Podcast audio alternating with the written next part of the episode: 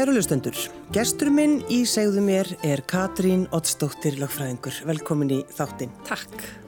Tölum um pólitíska einrætingu. Já, gerum það. Gerum það. í morgunsárið. Já.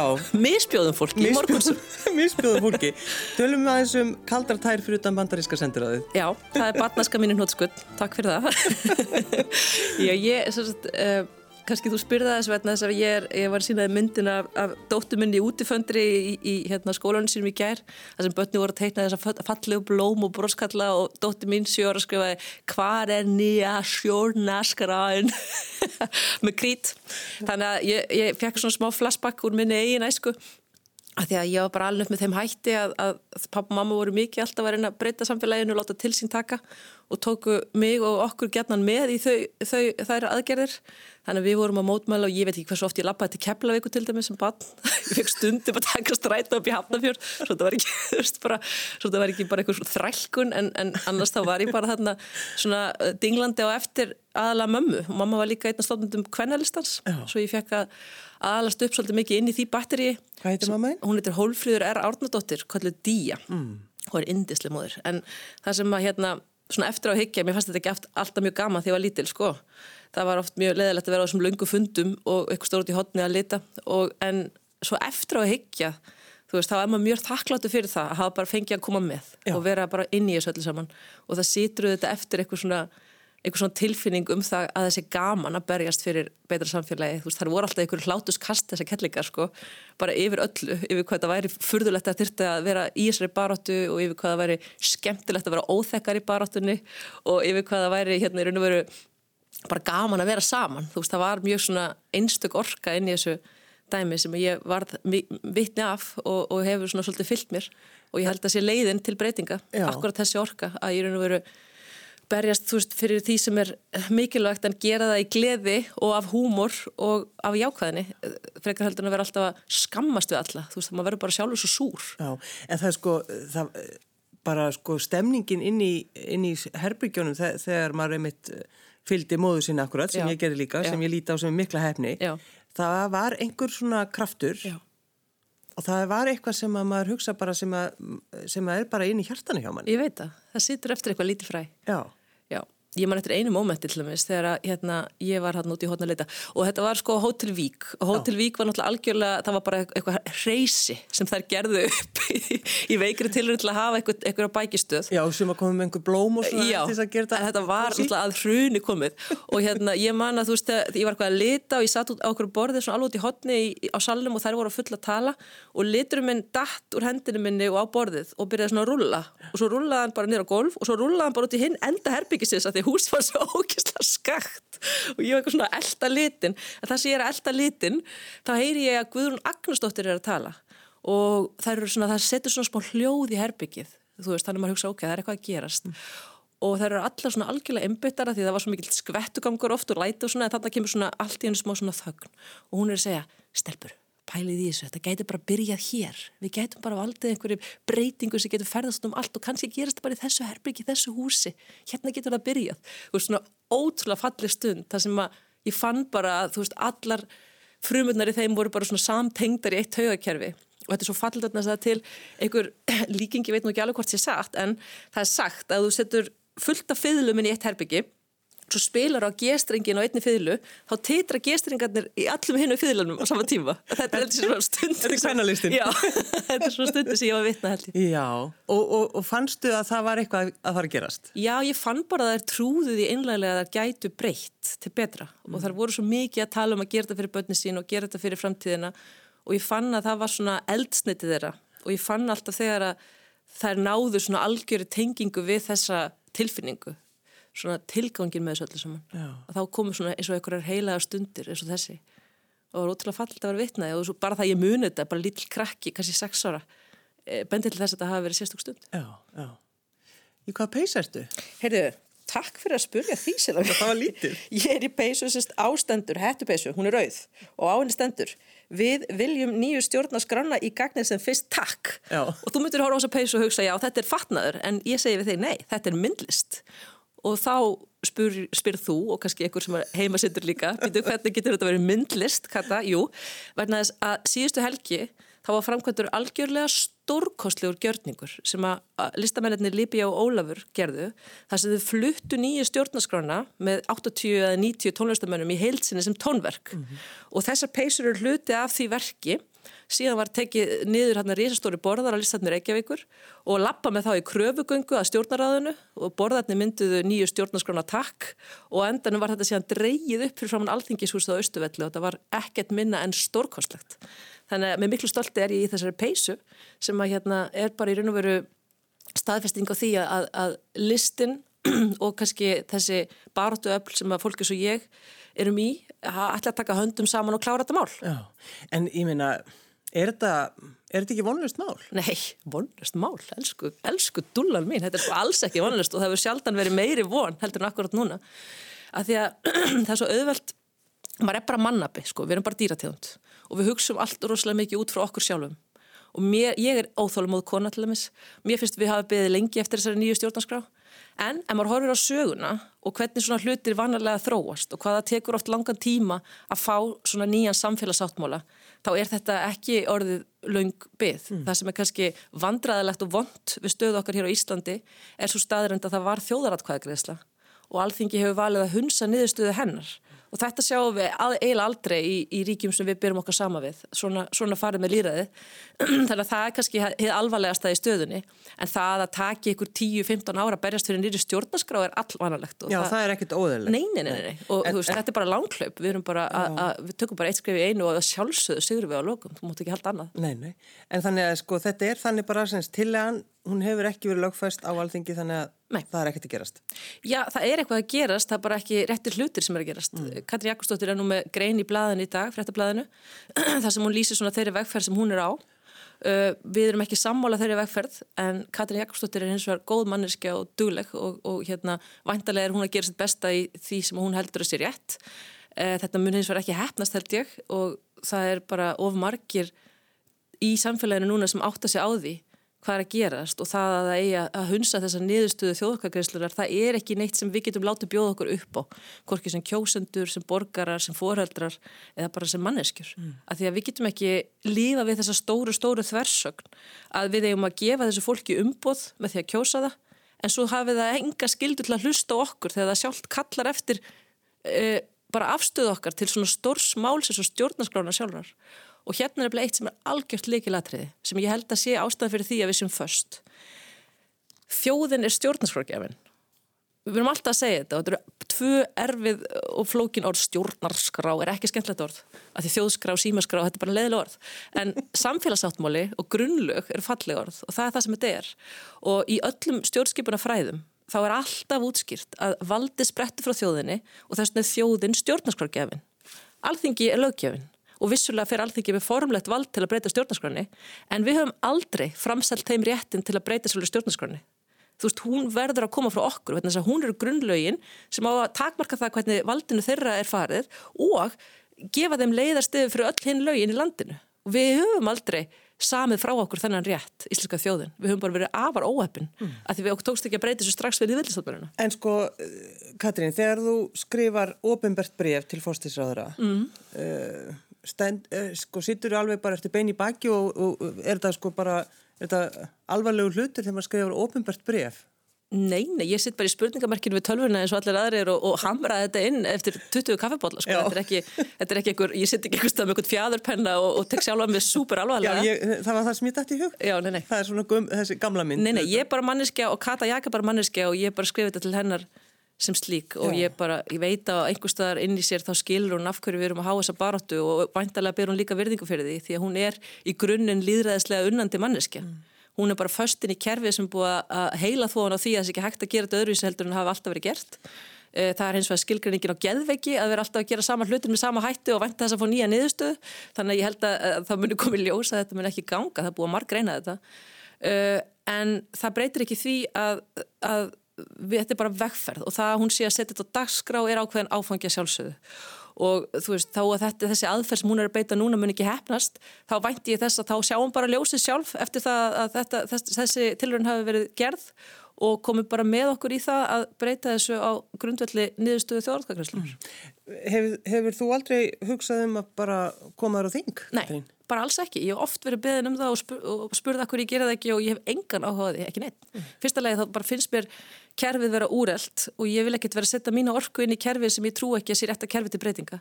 Ef að nýja stjórnarskráin hefði tekið gildi þá væri hægt að kjósa bara fólk en ekki bara flokka.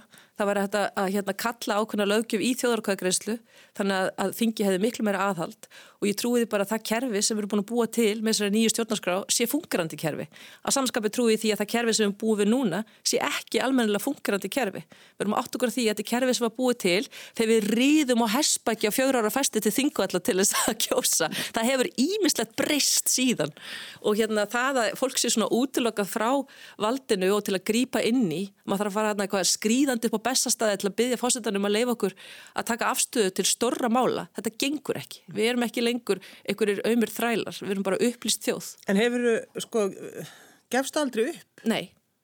Og bara, ekkert endal í þessum mál heldur bara yfir höfu, bara í lífinu. Ertu bara, ertu alltaf bara einhvern veginn svona mm, fulla krafti? Næ, ég held að það sé nú alveg ástöð oft til að gefast upp, sko, en ekki þessu máli. Veist, ég er ekki þannig að ég trúi því að, að ég er bara alltaf að hamast tanga til bara rauður döðin rís, sko, bara alls ekki. En, en, og það skiptum skoðinu fallegt. Mm. og það að hérna játamar hafa dránt fyrir sér er líka mjög fallegt.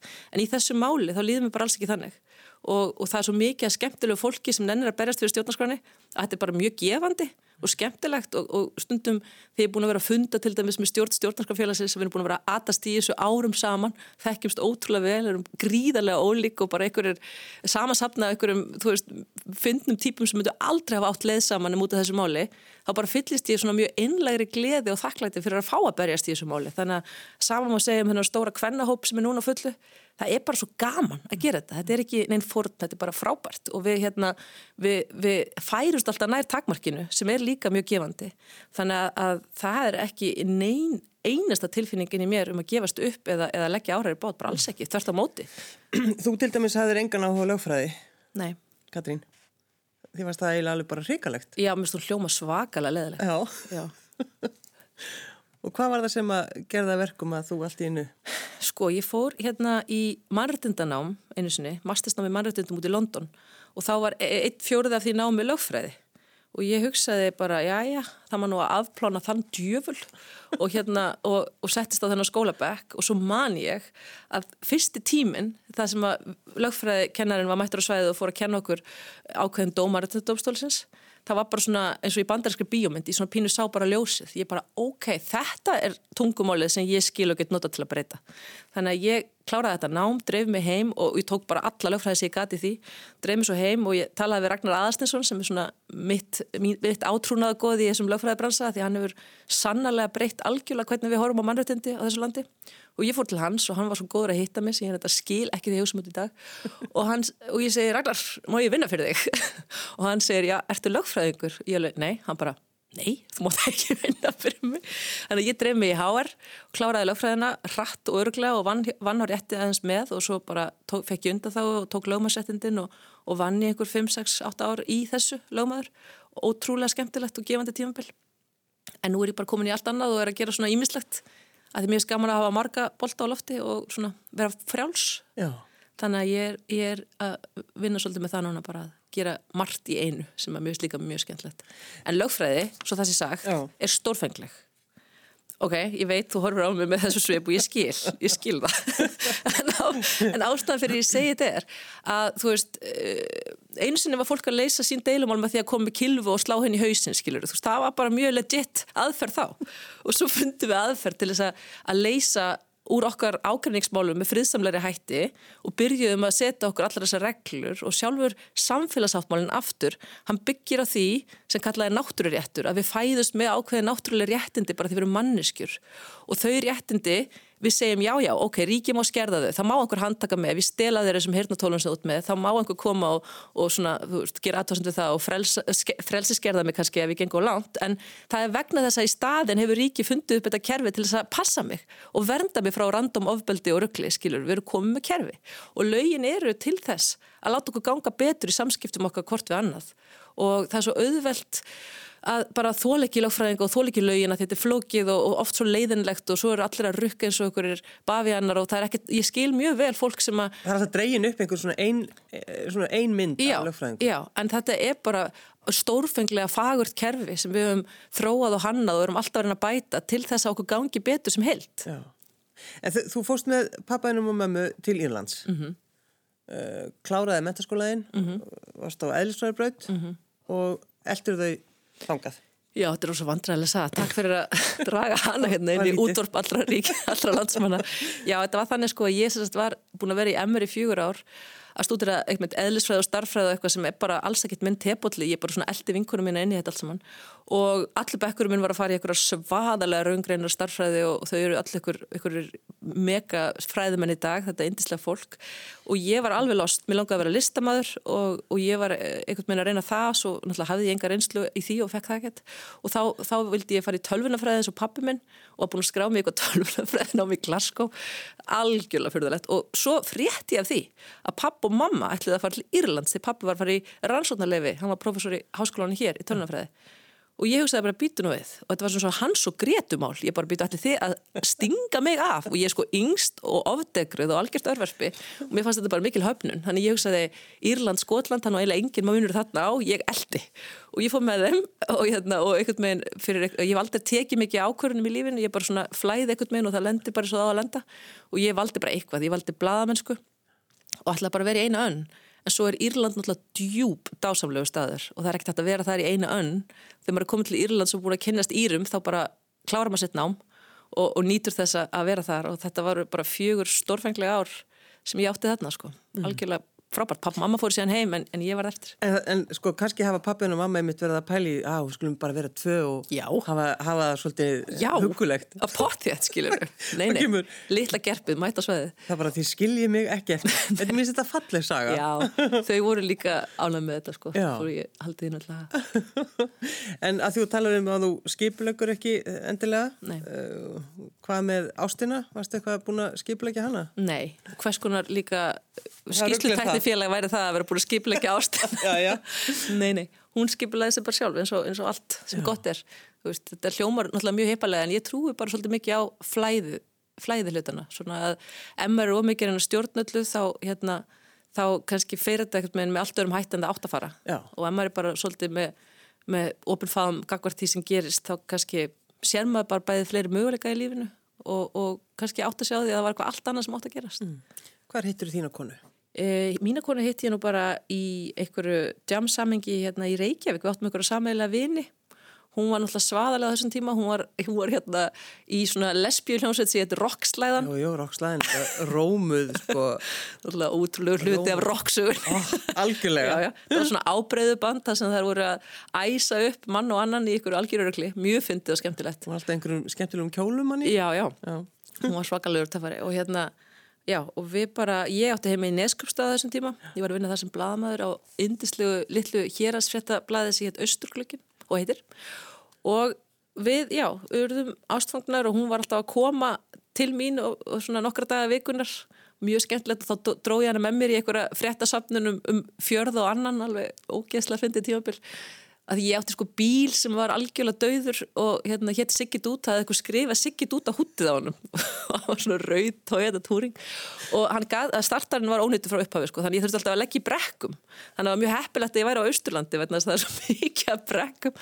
Þannig ég var að ringi fólk, já ég kem klukkan tvö en segðu mér, hvað er næsta brekka við heimilið, þetta er svona mjög enginlega spurning. Þannig að hún kom með mér í það og þetta var bara mjög fyndið og skemmtilega tíambel mm. en ég var þarna bara í ár í Neskjöpstað ótrúlega skemmtilega tíambel svo kom ég heim.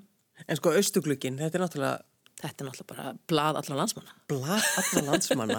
En þetta er, þetta er ekki lengur hvað gefið út, er þetta, þetta Jú, bara á netinu? þetta er enda gefið út, ég er ekki alveg viss hvort það sé prentútgáfa en þetta er minnskust á netinu. Já.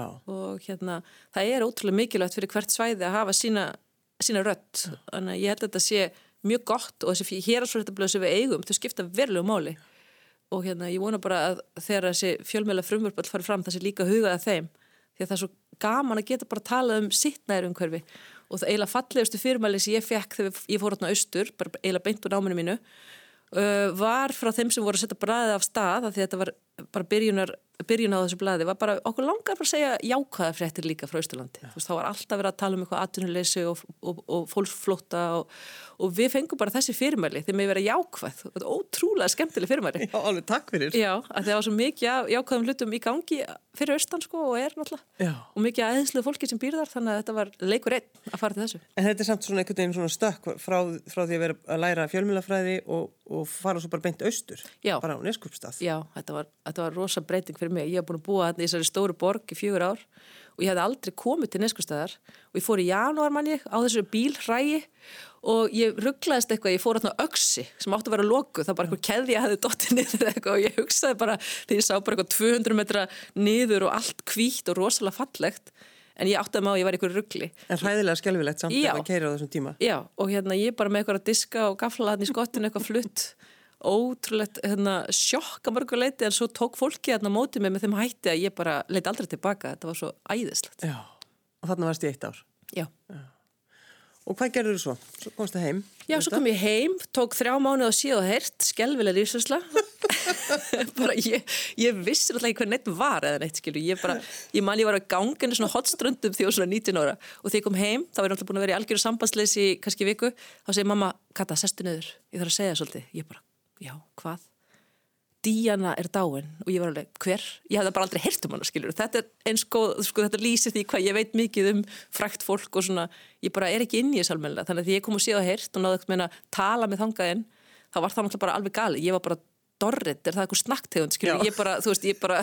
Þannig að þú hafði bara í rauninni engan áhuga? Nei, ég var bara búin að búa Erlendis ógæslega lengi og þú veist, það var ekkert með ekki almennilega komið á allt þetta nettdæmi, þannig að ég var alveg glötuð í þessu og ég endist ekki lengi, mér fannst þetta ekki nógu gaman og svo fór ég í auðlýsingabransan og það var mjög skemmtilegt, ég var þar í nokkur ár og síðan fór ég bara í þetta margættindan á sem mm. að breytti öllu og, og hef verið í þessu lögfræði stúsi síðan og já, og náttúrulega endaði á stjórnla í stjórnlaráðinu og hérna tók þátt í því að skrifa þessa nýju stjórnarskrá sem var alveg svona lífsumbreytandi reynsla og hérna það og svo þegar hún var komin í gegn og þjóðratkakæðist á búin að eiga sér stað þá hugsaði ég bara, ég þarf ekki að koma nála þessu aftur þetta er bara komið, er bara komið. Mm. svo liður svona 2-3 ári og ég bara, hm hvað er ég að gera hva, hérna, hvað, er, hvað er þetta og þá fór ég í þessa baróttu sem kannski ekki alveg fyrir endan á en ég veit alveg endar vel mm.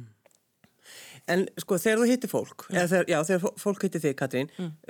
talar það bara við þig um nýju stjórnarskrana? Nei, en núna er náttúrulega búin að vera mikil viðutavatning í gangi í tengslu við þessu undirskriftir og undirskriftarlistan já. sem allir eiga að sjálfsögðu að taka þátt í 27.000 manns er Já, ekki sem er búin að skrifa undir og allir sem þetta heyr eru að fara sér á nýstjórnarskap.is nýstjórnarskap.is að skrá sig að það skiptir svo miklu máli að sína valdtónum okkar að við séum ekki sopnuð og það með ekki bara hunds okkur. Við verðum að standa saman í þessu máli. Það er náttúrulega að vissuleiti algjörlega súrealist að vera sapna undirskriftum til þess að láta niðurstöðu þjóðratkvæðagreyslu taka gildi en þetta er ein leið sem við höfum já, já. og ein leið sem fólk hefur til að, til að segja að því sé ekki sama um líðræðið sitt að þið ekki væntum líðræðið sitt. Og hérna ég bara verða að hvetja aftur til þess hér á útvarpi allara landsmanna að fólk fari inn á nýstjórnarskraf.is og skrái sig þarna inn. En ert þú bara, ert þú svona andlit uh, baráttunar? Nei, ég kannski er eh, duglega tjá mig og svona þannig að ég er oft kölluð til en ég er bara lítið tannhjól í þessari vél sem er bara fullt af fólki sem vill þessa nýju stjórnarskrá mm.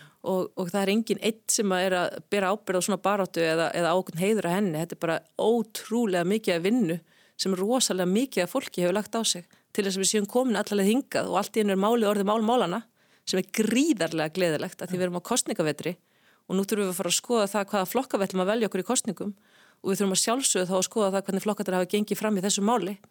Og ég vona bara að fólk gerir það og ég vona fjölmiðlar og takk fyrir að leiða mér að vera hérna ég vona fjölmiðla vatni til vitundar um það að þetta er risa mál, við megum ekki vera sovandi gagvarti, við verðum að vera alltaf að setja hlutin í samengi við þetta stóra mál, því öll þessi einstökum mál sem við erum alltaf að ræða sem samfélag, þau tengjast þessu og ef við erum aldrei að tengja inn í þessa stóru mynd þá erum við raun alltaf að gera eitthvað svona pinguleitla breytingar og tilhjóra breytingum og ræða eitthvað smáatriði án þess að skoða bara hvert viljum við stefna sem þjóð. Mm. En þegar þú talar um þetta Katrín, mm. um nýju stjórnarskrána, þá Já. ertu sko, þú, þú verður einhvern veginn bara svona öðruvísi í framann og þú verður, sko, þú ert svo sannfærandi. Það er bara því ég er samfærð. Já. Það er bara þannig. Mm -hmm. Ég held það. Ég myndi að hafa aldrei heitt mannesku sem getur útskipt fyrir mér með samfærandi hætti hvernig það er í lægi að hunsa niðurstöðu þjóðarkakjörslu og meðan ég hitt ekki þá mannesku þá er ég bara algjörlega samfærð um þetta sé ránt Já. En eh, sko, hva, hvernig sérðu framtíðina? Hvað, hvað til dæmis allra, hvað þarf að fara að gera? Ég? Ég er í doktorsnámi. Já, þú, þú ert ekki starfandi lögfræðingur í dag? Nei, nei, nei, ég er í ímsu öðru. Ég er í doktorsnámi og ég er að hérna, vinna fyrir örykjabandalægið og ég er að kenna upp í HR og svo er ég að búa til eitthvað þætti og það bara, ég er í ímsu sko. Ég, mér finnst gaman að vera í mörgu samtímis en það sem ég ætla að gera varandi þetta mál, stjórnarskramálið, er náttúrulega bara að halda áfram. Mm. Halda áfram alveg endalöst þannig að við fáum þetta og það verður svo geggjur tilfinning, pælt í því þegar við allir hittust og þetta er bara komið í gegn. Og þú veit að það er mannstu þegar við hittust? Þetta var ekki, það var ekki búið að gerast. Varst þú svolítið æst? Já, æst er náttúrulega bara miðinöfnum mitt, þú spurðið mig á hann, heitir ykkur nafni öðru en Katrin Ótstóttir, já ég heiti Katrin Æst Ótstóttir En eh, sko finnst þið gaman að sko að rýfast um þessar hluti? Nei. Nei, þú vilt ekki, vilt ekki fara þanga Mér finnst mjög gaman að tala um þessar hluti. En til dæmis eins og eða í eða Já. á börum eða en þú veist, einhverjar upprópanir og svona þegar fólk er bara búið að læsa sig einhverjum skotgröfum og vill bara komast í einhvern, einhvern, einhvern slag ég hef enga ánægða því og ég nenni því ekki, ég tek ekki þátt í því. En ég hef mjög, mjög miklu ánægða því að tala um efnislega hverju stjórnarskráni og hvernig hún uh, er og hvernig hægt er að bæta hana því við verðum líka muna að þó við berjumst fyrir þessari stjórnarskrá núna þá hún ekkert að vera greift í stein ef hægt er síðan að bæta hana og halda áfram þá gerum við það sem þjóð. Það eina sem er stór hættulegt er það að vera inni læstur með eldgamla danska stjórnarskrá sem var ætlið fyrir konungsríki og er bara með tímasprengja mörgur leiti sem ákvæðin í henni og get ekki breytin í takt við bara tíman, það er stór hættulegt. Þannig að hérna að stundum gleimist það í þessari umræðu við hvað við búum og sem betur fer heyri ég það á flestum þingmönnum og svona þjóðinni almennt núna að fólk er búið að vakna til vitundaru það að þessi sem við erum með núna er úrælt. Mm. Það er ekki lengur það sem við erum að rífast um sem betur fer. Það er allir samála því, ekki? Já. Jú, ég held það. En sko núna í, í COVID mm. þá bara eru þið mjög áberandi því mm -hmm. það er í rauninni engin að tala um neitt annað heldur nei. en þetta. Já. En þið eru einhvern veginn bara, já Við erum bara, já og við erum bara svolítið að skemmt okkur og lang, okkur langar að hafa síðustu, sko undirskriftarlistin loka 19. oktober, þannig okkur langar að hafa síðustu nýju dagana eða svo bara svona karnevalíska stemningu, bara bara stjórnarskvar parti þjóðarinnar Já. þar sem við reynum bara öll að leggjast á eitt að skrifa greinar, að deila því sem við sjáum um málið, að tala við fólk sem kannski kann ekki og skilur ekki rafræn skilur ekki um það hvernig það getur skráð sig að, að vera með alls konar útsettingar að, að sína þessi frábæru myndbönd sem við erum búin að vera að gera sem víðast og bara áfram og upp og sína það að það er engin að fara að sopna fyrir en þetta er klárað. Mm. Þetta er bara svolítið svona, þetta er engin störukeppni en þetta er samt þannig að við sem sjálfsmynd okkar sem þjóð, hún veldur á þessu máli og ekki bara það, sila, nei. Sjálfstæði okkar sem þjóð mm. veldur á þessu máli. Að því þjóð sem á ekki sin eigin samfélagssáttmála og þjóð sem, er, sem tekur þátt í þjóðorkagreðslu sem alþingi búða til en, en lætur sér bjóða sér það að niðurstaða sér hunsuð hún er hvorki fullvaldan í sjálfstæð. Þannig að þetta er alveg rísa mál fyrir okkur. Þegar þið, þú lappaður ekki frá uh, listasafnir Reykjavíkur og, og með rauðan Jú, jú. Rauða borða á. Bleika borða. Bleika, já, bleika. Já. Var þér sko hugsað til keflaðugur? Já, uh, ég held að þetta sé nú orðið svona hluti bara mínu, minni innri forrættun að, að það sé mjög sjálfsagt og eðlilegt að standa einhver staðar með eitthvað potti eða eitthvað og hrópandi á eitthvað byggingu. Ég held að mjög mörgum finnst þetta að vera mjög einkennileg hátsemi en mér finnst þetta að vera mjög eðlilegt Já. og það var endar ein, ein stund sem ég mann eftir sem var, var geggju sem var þegar að hérna, búsahaldabildingin átt sér stað og pappi minn dó sko uh, fyrir nokkrum árum og mamma fekk heila blóðfall þannig að þeim nýtur ekki lengur við sama, með sama hætti. En það var þarna þessi stund þar sem þau voru bæði og þau voru alltaf að berjast fyrir breytingum og allt í nú voru þau bara hlutað ykkur þúsund manna hópi og svipurinn á mömmu minni þar sem hún stóð á þingtröpun og dansandi eftir ykkur sambatakti við vanhæf ríkistjórn bara þessi ótrúlega einlega gleði um það að við værum lóksins að vakna og við værum svona mörg og við myndum ná að breyta. Þetta var svona ógleimalig stund bara sjá hana í þessu essi sínu sem hún búin að vera í mörg ár en alltaf voru við sömu 50 hræðunar í einhverju lopapeisum fyrir framann einhver sendir á eitthvað brjálið Já, ekki gleyma kaldartær Nei, nei, nei, kaldartær og bara í, allt í enu voru við 2000 saman í, í þessu ákalli. Það var ótrúlega falli stund og þetta er stund sem gerist ekki oft í lífi hverju mannesku að þjóðin vakni svona samtímis. Og í fræðunum eru þessar stundir kallaðar stjórnaskrar stundir. Það eru stundir það sem allt í einu fullt af hlutum gerast verða til þess að það er hægt að ná fram stórum og mikilvægu breytingum hratt mm. í staðan fyrir að vera alltaf mjalli í þessu og þessi vegferð sem okkur er búið upp og núna af, af fósittisráðara er alltaf að fara að búta sauma inn í gömlu stjórnarskrána einhver handvalin ákvæði þetta er ekki Þetta ber engin merki þess að þessi stjórnarskrástund að fólki sé vaknað og viljið láta til sín taka og hjálpa valdtöðunum sínum á rétta braut. Þetta eru ótrúlega fallega stundir oft í, í sögu mannkissins þessar stundir en oft er það líka mjög blóði drifnar og við vorum ekkert smá heppin. Hrunið á Íslandi sem er okkar stærsta áfall svona samtímans er efnahagshrun. Mm. Það dó enginn, fólk þjáðist vissulega og sumir þjást enn en þetta var samt efnahagshrun. Við vorum ekki borgarstyrjöld. Við vorum ekki hérna, að reyna að murka lífið úr hvort öðru með einhverjum leyniskettum upp okkur um þökum. Við vorum sammála um það að við vildum nýtt og betra Ísland því að okkur hafið mistekist að vissuleita búa til nákvæmlega það ríki sem við vildum vera hluti af og við erum bara ennar en að klára það mál og það að sjálfsögðu takast því við eigum þetta vald og það á að spretta frá þjóðinni. Sko, þú, sko þessi mannréttinda nám sem fóst í, mm. Katrín, þetta er einhvern veginn þannig, sko, eru við ekki alls sammála því að, sko, í sambandi við mannréttindi? Jú, ég held það. Ég var einmitt að tala um þetta við nefndu í stjórnskipunarétt núna bara í vikunni ógeðslega skrítið að kenna já, á þessum kóftímum. Ég var al eini ykkur stofu já. og þau voru alltaf einhver starf á netinu og ég gæti ekki eins og séðu þau og þetta var alveg ríkala einmannalegt. En það sem ég var að segja var með mannrættindin, þú veist, okkur finnst þetta algjörlega sjálfsagt og það, ég hef ekki engan sem kemur bara fram og segir já, mannrættindir eru one two mynd. Þú veist, það er bara ekki til svo manneskeil í dag. Þetta er bara svona orðin algjör sannleikur að við trúum á þetta. Þetta er samt bara mannleg uppfinning.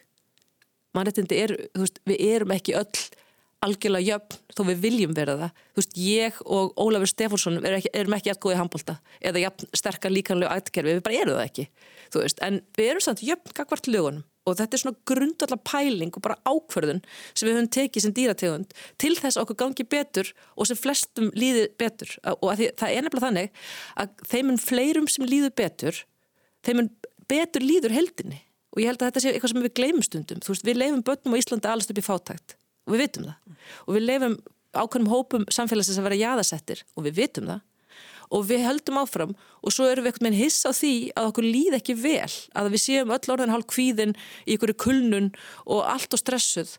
En kannski þurfum við bara að nota COVID sem tækifæri til að hæja á okkur og skoða hvert við viljum fara sem held að því við getum gert hlutina svo miklu, miklu betur og, og við getum gert það fallegar.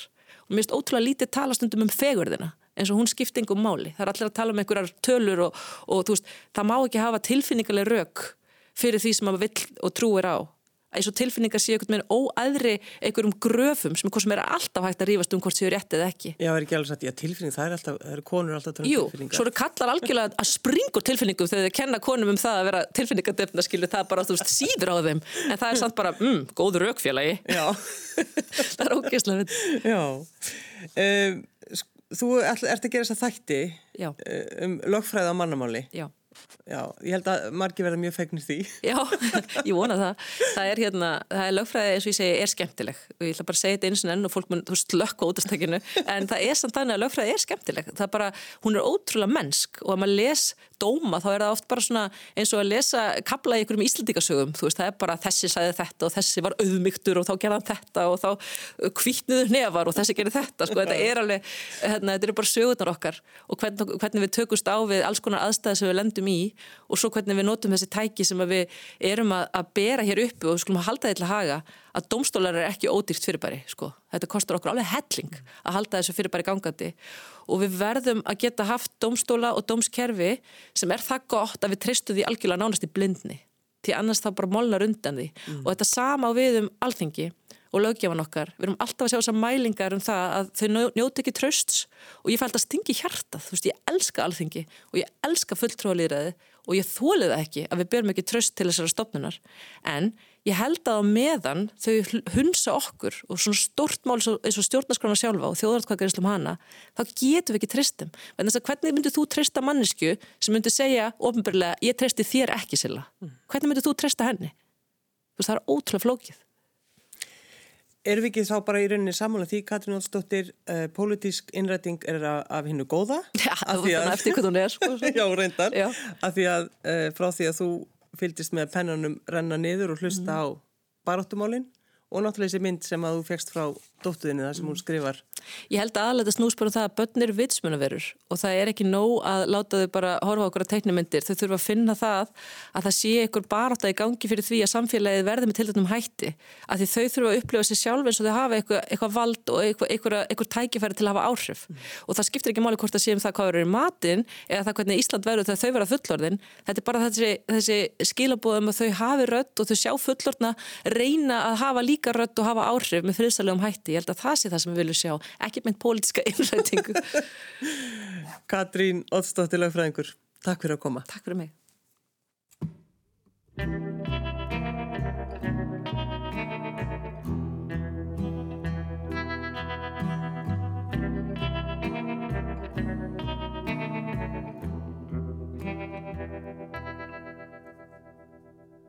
Þú varst rennandi blöyt í miðjum pott kollinum þegar loksins ég skaut upp kollinum. En þú komst svo seint. Sumi þurfað milli lenda Samt var flóið bygg